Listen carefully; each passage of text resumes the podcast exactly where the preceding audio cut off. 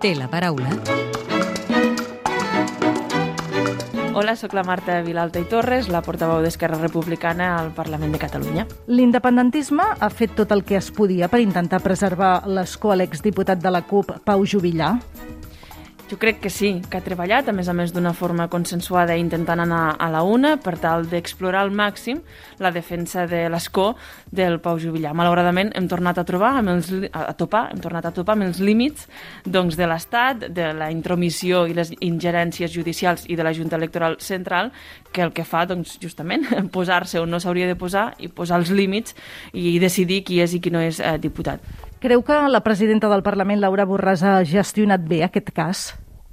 Um, sempre tot es pot fer millor i sempre és interessant i important fer, fer autocrítica o fer, o fer crítica. Nosaltres, eh, vist ara um, com han anat i analitzant els últims dies, creiem que falten explicacions, que falta clarificar alguns dels dubtes que se'ns uh, se presenten, que sorgeixen sobre des de quin moment no és diputat uh, Pau Jubillar, sobre uh, no, els perquès de la seva no votació en l'últim ple que vam celebrar al Parlament de Catalunya just justament on votàvem el dictamen referent a la seva persona i a la seva acta.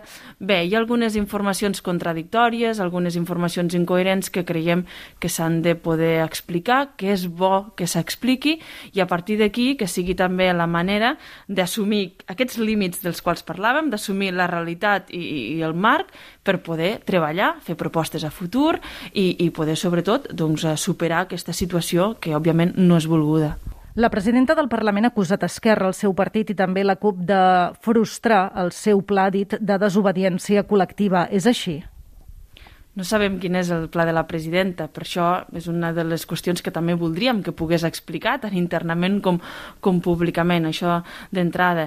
I mm, mai és útil expulsar culpes o buscar culpables mai, en cap dels sentits, tampoc amb el projecte que defensem des de l'independentisme, que el que convé és de trobar els punts en comú, de poder fer grans les fortaleses, um, d'anar a la una, de la unitat, dels consensos, de poder treballar conjuntament i d'entendre que l'adversari és l'estat espanyol, la persecució judicial, la repressió que no està cessant, i per tant no, no compartim la idea de buscar culpables, quan el, aquests, a més a més, són companys de, de viatge, de projecte, sinó que al contrari, el que convindria és veure en què es pot millorar, sempre es pot millorar, en què es pot millorar i com ho podem fer per mirar endavant i per mm, això, anar avançant en aquest sentit.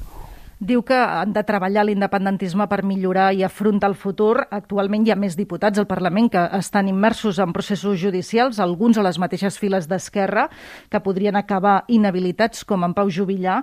Com ho afrontarà l'independentisme? Es pot d'alguna manera evitar-ho? Um, segur que hi ha, hi ha maneres, estem parlant també per buscar mecanismes de modificacions normatives, modificacions legislatives, fins i tot des d'aquí el propi Parlament de Catalunya com a través de, si es pot, no? en la reforma del reglament que tot just ara començarem.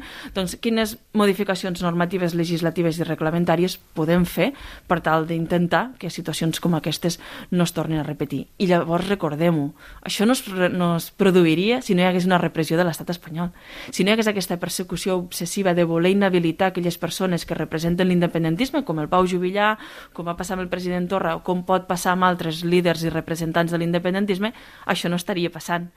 Entenc que a banda d'una reforma del reglament, de fet ja han registrat la ponència per impulsar aquesta reforma, també eh, s'hauria de treballar o intentar eh, impulsar una reforma de la llei orgànica electoral.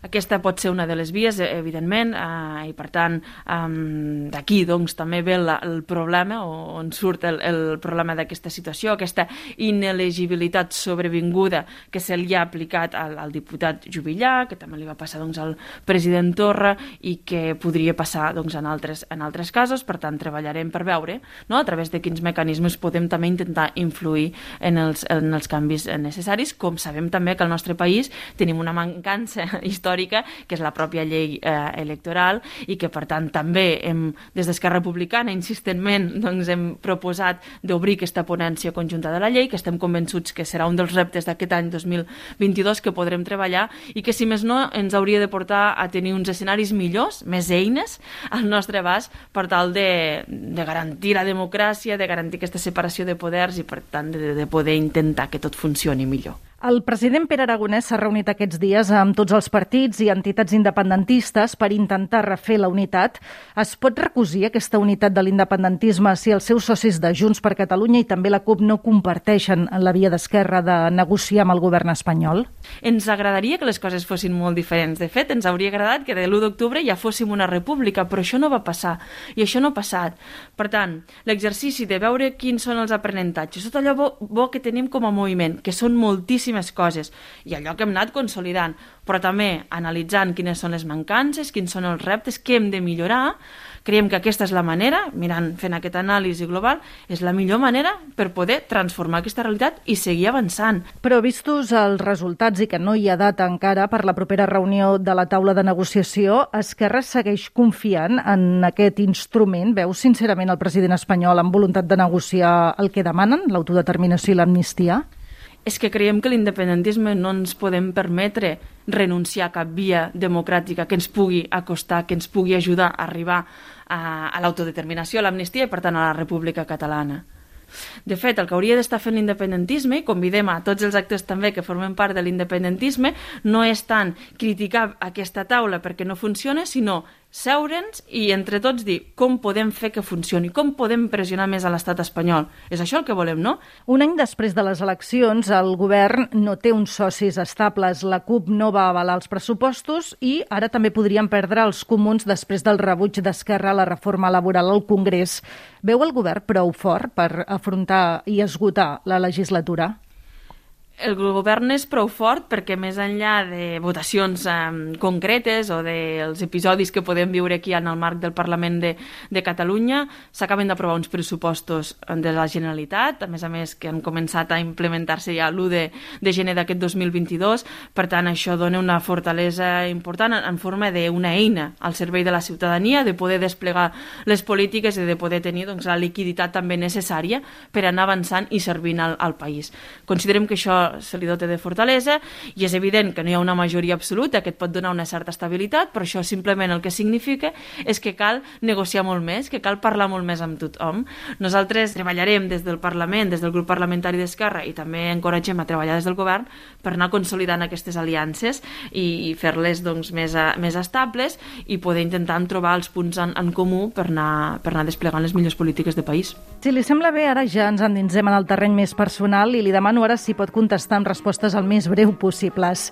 Per què es va decantar per la política i no pel periodisme, que és el que va estudiar? Jo vaig estudiar periodisme per, perquè m'agradava molt i perquè era el que em volia dedicar de professió, però després la meva implicació personal doncs, amb les joventuts polítiques em va portar també pel camí de la política. En tot cas, la comunicació i la política són dos grans passions i ara d'alguna manera ho estic vinculant des de l'altra banda, però en tot cas fent de portaveu doncs, també tinc aquest cas d'Esquerra i del grup parlamentari, tinc aquesta capacitat de poder estar connectada amb la premsa i amb el món de la comunicació del periodisme, doncs que també és un, un gran què. Com ho fa per desconnectar de la política? He fet patinatge artístic al llarg de tota la meva vida i això era la manera que em servia per no, desconnectar. Ara ja no patino tant i per tant eh, intento anar a córrer de forma molt esporàdica i si no, doncs fer les tasques de, de casa que també ajuden a, a treure't les cabòries de sobre. Quin diputat o diputada, ideologia a banda, fitxaria per al seu grup? Un dels diputats que segur que hauria fitxat és el Pau Jubillar. Té algun paisatge favorit? Catalunya té llocs eh, que són increïbles a nivell també paisatgístic i molt diversos, però si he de dir alguna cosa, jo em quedo amb, la meva, amb el poble, amb la meva comarca, amb la plana d'Urgell. I ja per acabar, completi la frase següent. El que més m'agradaria del món és... Que el país fos millor, i això voldria dir que el país fos una república catalana per a la gent, amb drets i, i llibertat per a tothom. Marta Vilalta, portaveu d'Esquerra al Parlament, gràcies per atendre'ns a l'hemicicle de Catalunya Informació. Moltes gràcies a vosaltres. Podeu tornar a escoltar l'hemicicle al web catradio.cat barra hemicicle o al podcast del programa i seguir l'actualitat del Parlament al perfil de Twitter arroba L-hemicicle.